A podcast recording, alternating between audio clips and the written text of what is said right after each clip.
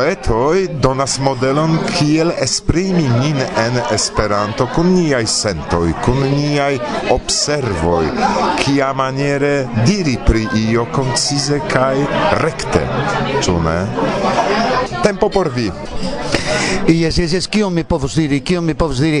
Ci momente mi trovigas eh, antau spektaklo bonega, ne nun, ne nun, ĉar la spektaklo estas amaso da homoj kiuj lautas, eh, kompreneble ni estas hispanoj kaj ni tre laŭte parolas en trinkejo, sed en mia persona vivo mi troviĝas antaŭ iu ecrano sur kiu aperas mia nuntempa vivo, mia pasinta vivo kaj mia futuro kvazaŭ temus pri sentempa afero pro diversaj kialoj mi troviĝas en tiu situacio kaj tiu situacio estas tre bona por kreado kaj do mi promesas ke mi kaptos tiun momentojn por elverŝi mian koron kaj mian animon por tiuj kiuj povus akcepti ĝin.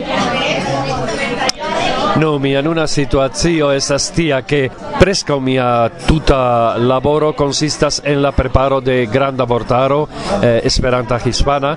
Tio postulas de mi amason da tempo kai da clopodado kai alia afero estas la belartaj konkursoj kiu ankaŭ eh, postulas eh, multe da tempo do vercado restas iomete eh, flanke metita quancam ciam al mia capo venas ideo in kai mi eh, klopodas realigi ilin. Do, eh, fakte tio estas mia nuna situacio, yes. Bone, de mi aperis gis nun nau poemaro en Esperanto, kai tio estas tro por la malgranda publiko kai por la eldonistoi Ili ne plu kapablas eldoni poemaro de mi. Do pro tio mi cesis verki poezion en Esperanto. El alasta lastaj du jaroj mi apenaŭ verkis poemojn en Esperanto eh, nun aperos mia unua poemaro en la hispana kiu esas paralelaĵo de Palestino strangolata miaj poemoj pri la israela palestina konflikto. Do mi rekomendas al vi aŭskultantoj aĉeti ĉu miajn du lastajn poemarojn Palestina strangolata kaj Brulvunde? au ĉu miajn du plej bonajn, la silica hakilo kaj en la profundo, ĉar tiel miaj verkoj elĉerpiĝos kaj iam mi povos refoje verki en Esperanto por vi. Kroma reklamo. Eh, kion mi povus diri nun, pri, pri kion mi povus paroli pri tio, eh, pri tio ke, ke mi troviĝas en tiel nomata Domo de Granado, mi estas granadano, kaj jam kvindek jarojn mi loĝas en Madrido. Kai yes dankon. Kai eh, ke estas vera plezuro akcepti gepoloin am poloin ceni. bone mi anca un reclamos, mi profitos la okazon por reclami eh, libron. Do temas pri ne ekzistas verdaj steloj eh, che temas pri iu parto de la literaturo de la esperanta literaturo ancora ne suffice multe flegata ofte temas pri mikronoveloj kaj ke ni kreis subbranĉon en la belartaj konkursoj pri mikronoveloj kaj ni esperas ke tiu parto de la literaturo de la esperanta literaturo kreskos. Do legu mikronovelojn aĉetu ne ekzistas verde stelojn. Jes kaj ke literaturo ne fartas bone generale, ne nur en Esperantujo atestas ekzemple simpla fakto ke la plej bela libro kiu havas tiom multe da herooj, telefona libro malaperis. Do el la provizora studio kun granada accento. Ĉa estis la bravan eh, vespermanĝon fakte? Kaj atendas manĝi deserton tre pacience. Agnieszka. Livendek. Miguel Fernández, Jorge Camacho, Blue Blue Blue. Kaj mi, Irek Koran dankon pro via pacienco, kaj nun mi registros la bruon. Estáis escuchando la radio Varsovia Vento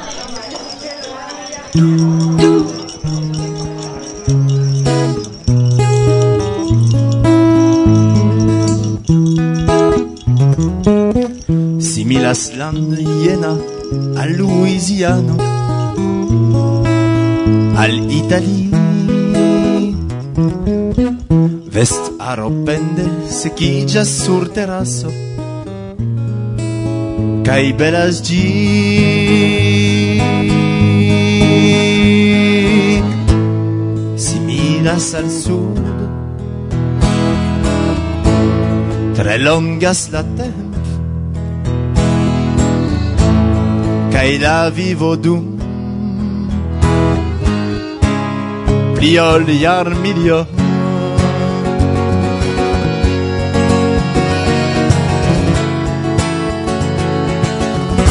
Ciam en bel sezon.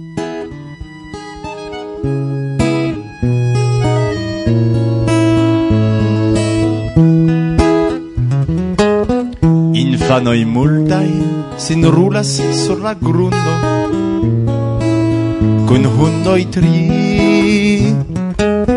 Eĉ estas kat ruĝaj fiŝoj kai testudo. Nu mancas neni.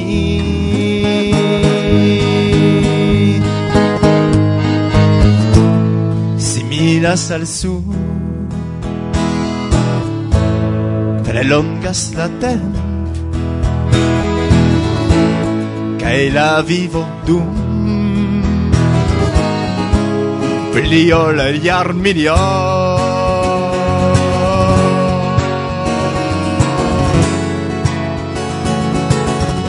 Ĉiam en belsezono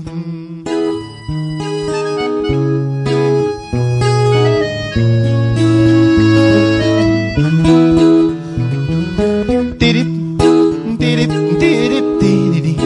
di di di di di di di di di di di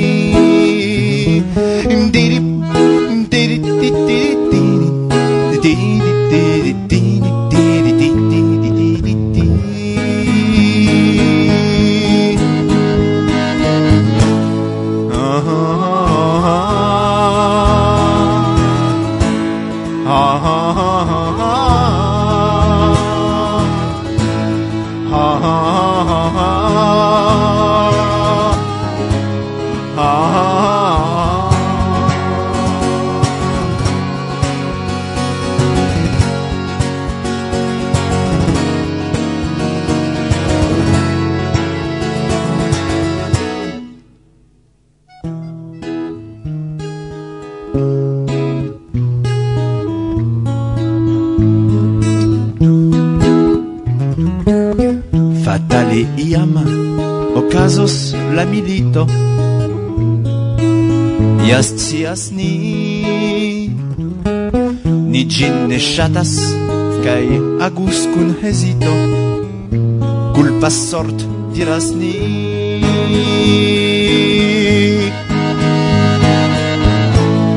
Domage por sud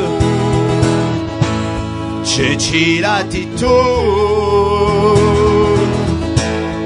ni vivintus tu pliori armidio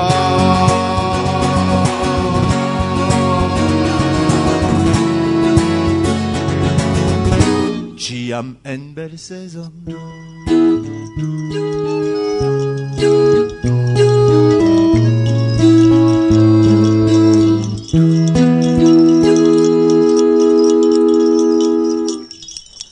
La sesan de decembro, kiam en Polando nomtagon havas Nikolao, multe da poloj donacas ion al la proximuloj kaj konatuloj, ofte ion dolĉan, precipe al infanoj. Tiam mi trovis en la reto du interesajn mapojn, kiu montras kiu venas kun donacoj en la landoj de Eŭropo dum periodo, kiun plimulto nomas kristnasko.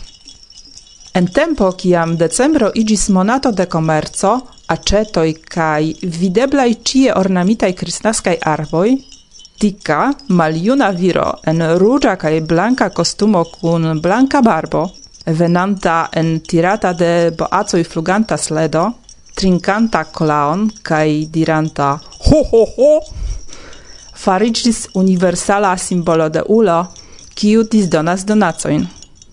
Tamen, Evidentigas che en Europo ne cio estas tiel universala, kiel oni povas supozi, char existas vera diverseco de donacantoi.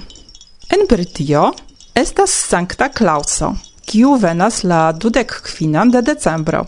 Li povas nomigi ankaŭ la Kristnaska patro aŭ Pacio Kristnasko.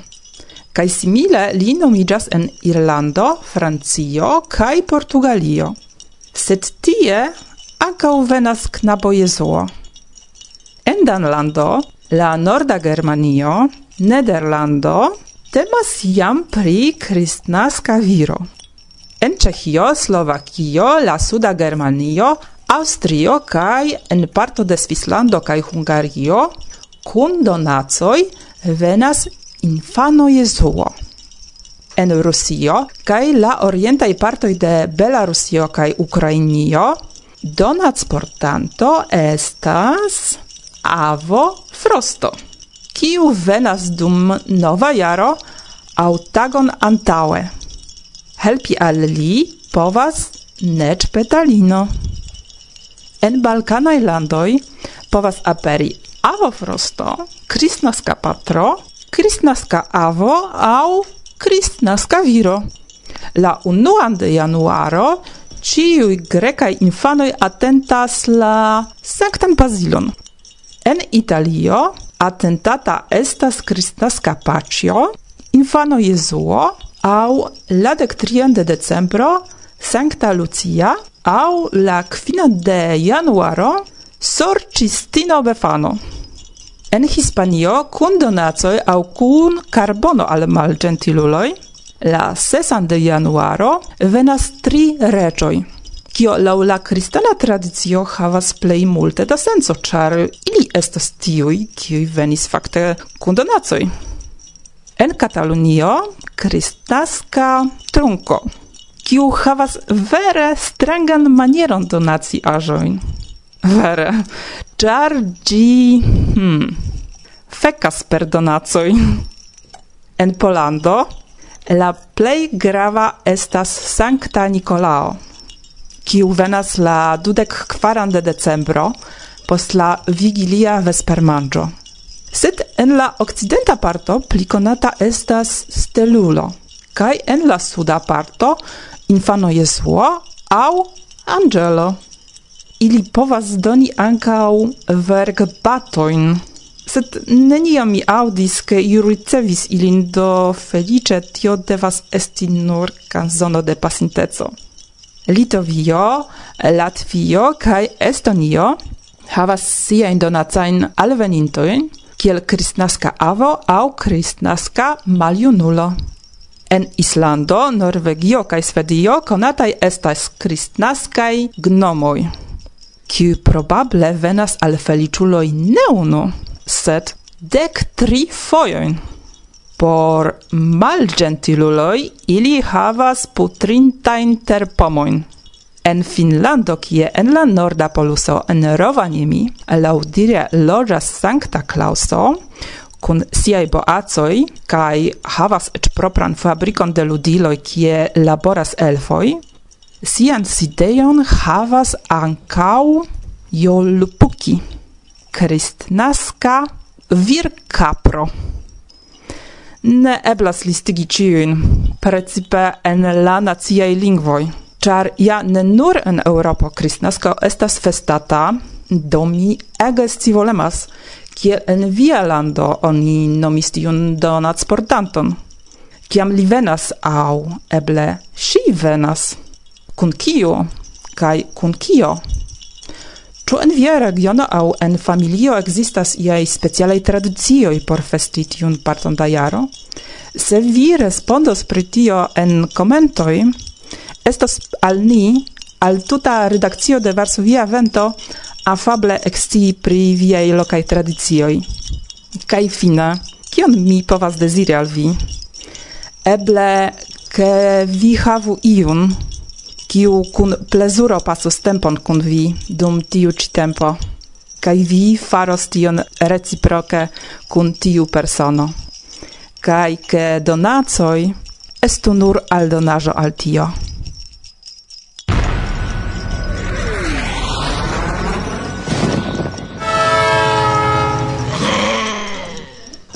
Kai nom angulo de Jorge Camacho, bla bla. Dudito.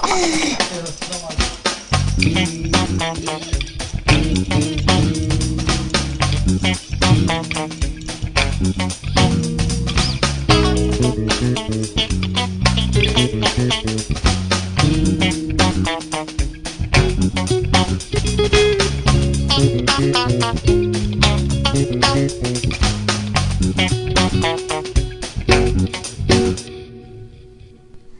Saluton, mi estas Chen, kaj nun mi invitas vin a la angulo de Jorge Camacho. Ni proximas al la fino de la jaro kaj al tiu periodo kiun pagane oni nomas iulo en Europo, ĉefe norda Europo, Skandinavio, kaj en kristanaj landoj oni nomas kristnasko.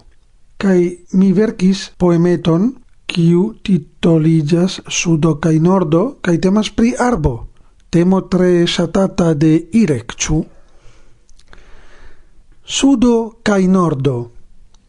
Abia conus ascendas, picea pendas.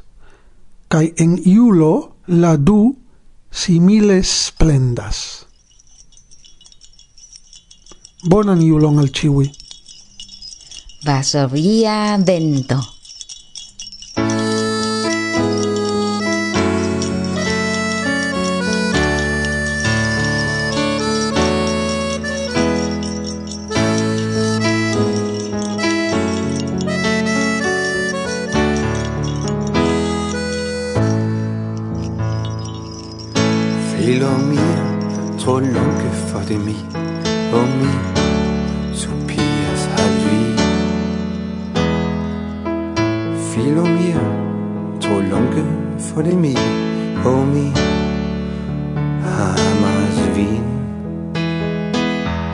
se dum la nocto che mi vidas la plenlumo mi sies che vi anco vidas ĝin al tiam filo mio mi sentas vin proxima kein sonio mi kisas vin.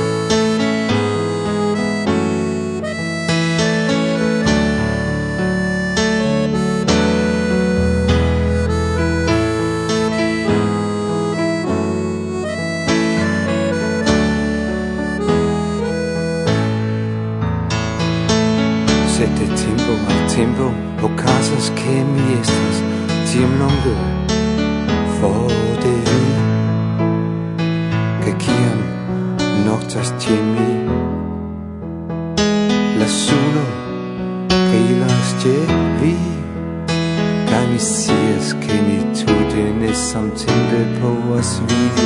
Dum la nokto mian no. Kai tiam filo mio mi sentas vin espli malproksima for de mi.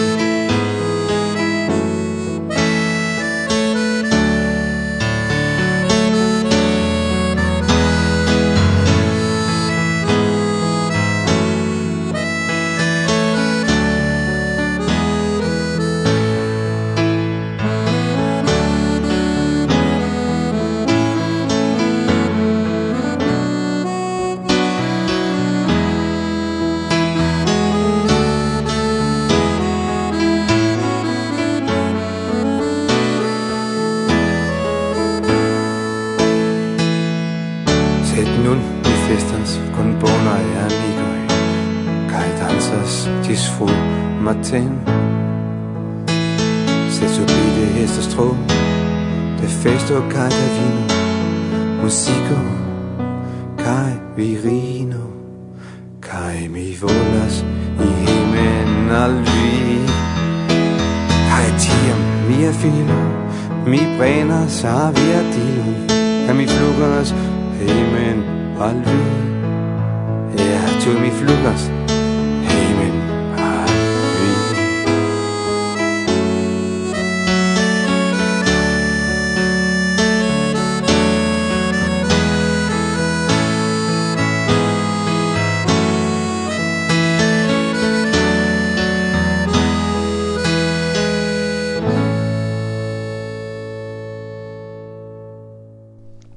Do ni revenas al la temo post eh, tre bona vespermanĝo kiun preparis al ni Françoise. Dankon Françoise. La unuan parton de la intervjuo ni registris antaŭ vespermanĝo, do nun eh, niaj voĉoj eble iĝos pigraj. Dormemaj dormemaj jest, sed eh, revenu ni al la temo eh, pri kiu ni parolis, ni estis ce la landlimo, kie rifugintoi eh, staris kai sercis iun esperan vivon en Francio forcurante pro milito. Yes, do fakte ili alvenis en Francio. Francoj malfermis la landlimon la dekduan de januaro alla la kai de tie poste oni eh, forsendis ilin al eh, plagio eh, ne ciui char exemple ili disigis la viroin de la virinoi kai la virinoin oni sendis al Bretonio traine Ĉu ti estis perforta apartigo de la familioj? Ah, estis automate eh? la viroj en unu flanko kaj virinoj kaj infanoj en alia kaj poste ili estis disigitaj ne estis alia alternativo. Mm. Yes, perforta, eble, sed do mia patrino ekzemple vidis lastan fojon sian patron kaj sian fraton tie kaj neniam plu vidis ilin. Granda tragedio por la familio mem ĉu mia patrino kun sia patrino kaj la fratino estis forsenditaj en la region de Kemper en Bretonio kaj tie restis eh, uh, pluraj monatojn ĝis kiam la prefekto kiu estis ekstrem dekstra uh, eh, forsendis ilin denove al Hispanio al Irun. Do kaj uh, eh, ili revenis al Irun per de trajnoj fermitaj kai la viroi ili estis en eh, uh, strandoi sur tiu fama strandoi kie nun homoj povas sunumi. Do tie ili alvenis en januaro sur strandoi kie esis nur sablo kaj drato, sed nenio alia, ĉu ne? Do kaj ili, dev, ili devis fari truojn en la sablo por ŝirmi sin dum la nokto kaj tiel plu. Kai uh, eh, dum uh, eh, longai monatoi ili restis tie ili faris cabano in per proprai ajoi kiun ili trovis tolajo in cadel plucne kai tiam estis vintro. Yes, eh, januaro, februaro, eh, gis marto, eh, kai tiel plu. Kai uh, pli poste ili comensis, uh, do la, la stato comensis al porti uh, Uh, kiel diri uh, tabuloin kaj tiel plu por, kun, por konstrui kabanoin, barrakoin. Kion ili mangis, kion ili trinkis tie, ĉar estis eh, ne temas pri du kvin dek homojn, sed temis pri miloj da homoj, kiuj estis koncentritaj ĉe la plaĝo, ĉu? Ja, do ili komplete improvizis la aferon kaj do eh, alportis manĝaĵon kiun ili trovis, do estis kamionojn kun pano. Iam eh, mia patro rakontis, ili alvenis kun kamiono de cepoj kaj estis nur cepoj por manĝi, ĉu ne? Kaj tiel plu, do estis diversaj aferoj tiaj sed eh, la fero organizigis eh, in ciu case pri la agvo estis multe pli complica char ili simple alportis pumpiloin kiun ili plantis en la sablon kai ili pumpis agvon sed la agvo estis sala kai pro tio estis multa malsano ĉu ne? Do eh, uh, multa homo kiuj trafis disenterion kai estis multa mortinto yes, yes. kai estis ec historio pri iu kiu compete frenesigis kai prenis valizon kai uh, eh, iris en la maron kai dronis tie yes do estis homoi kiu ne eltenis eh, tion situacion ĉu ne Ĉu ruĝa kruco tiam ne funkciis, ĉar ruĝa kruco jam tiam ekzistis, ĉu? Jes, do ruĝa kruco estis en lokoj kie oni uh, bezonis, sed ili estis en la koncentrejoj, sed ne povis multon fari, ĉar ili havis malmulton. La ruĝa kruco estis eh, efika ekzemple en la loko en kiu oni uh, vartis infanojn en Elna estis eh, flegistino kiu venis el Svislando, kiu estis de la Ruĝa Kruso, kiu muntis tiun flegejon por eh, infanoj kaj por patrinoj kiu estis gravedaj. Kaj ŝi iris en la koncentrejoj capti eh, la virinoj kiu estis gravedaj por porti lin en tiu uh, loco, kiu nomigis la maternité de Elna, kaj do estis multaj infanoj kiu naskiĝis ĉi tie en tiu loco, kaj uh, Ciu iare ocasas rencontigio de infanoi qui venas de tiu eh, loco qui es nomo esas Elna. char eh, multaj homoi donis la nomon al sia infano Elna pro memoro al tio.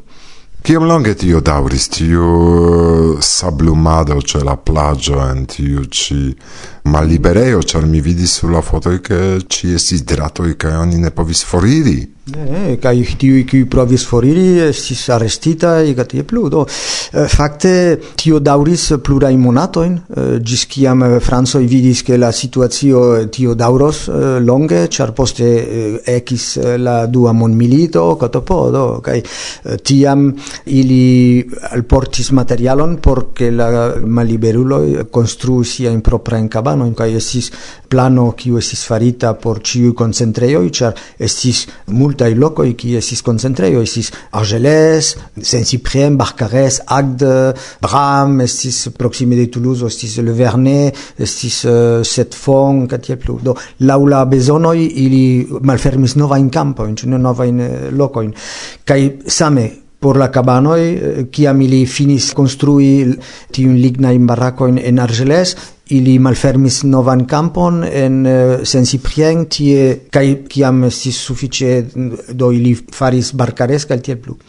Poste ili provis malplenigi la concentrejoin, eh, do ili proponis al homo reveni al Hispanio, che Franco acceptus de nove ilin, kai nenion farus al ili, kai kelkai pensis che estis vero, kai reiris al Franco, sed uh, tio ne estis bona plano, ĉu ne? Aliaj estis invititaj uh, iri al la legio, kai kelkai faris tion kai iris al Algerio por uh, esti un la legio tie. Kai aliai foriris al uh, laborcampoi do uh, tion electis mia patro.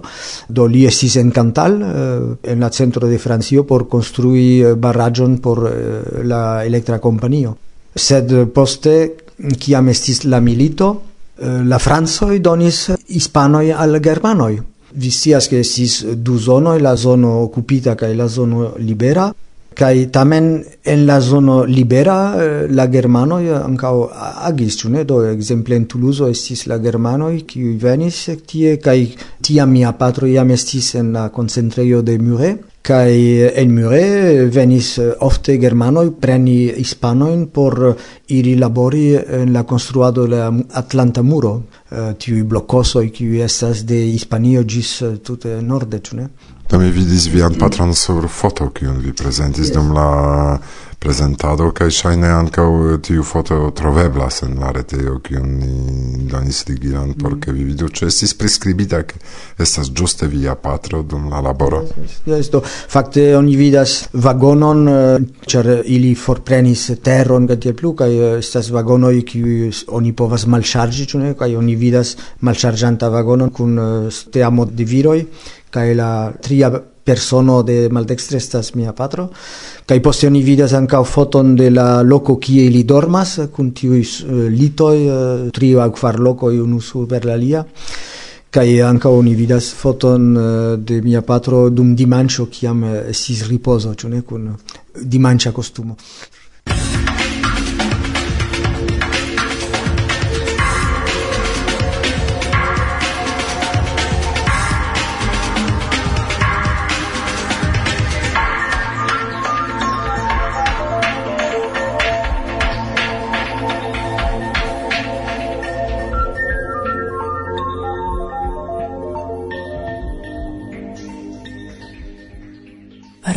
家稳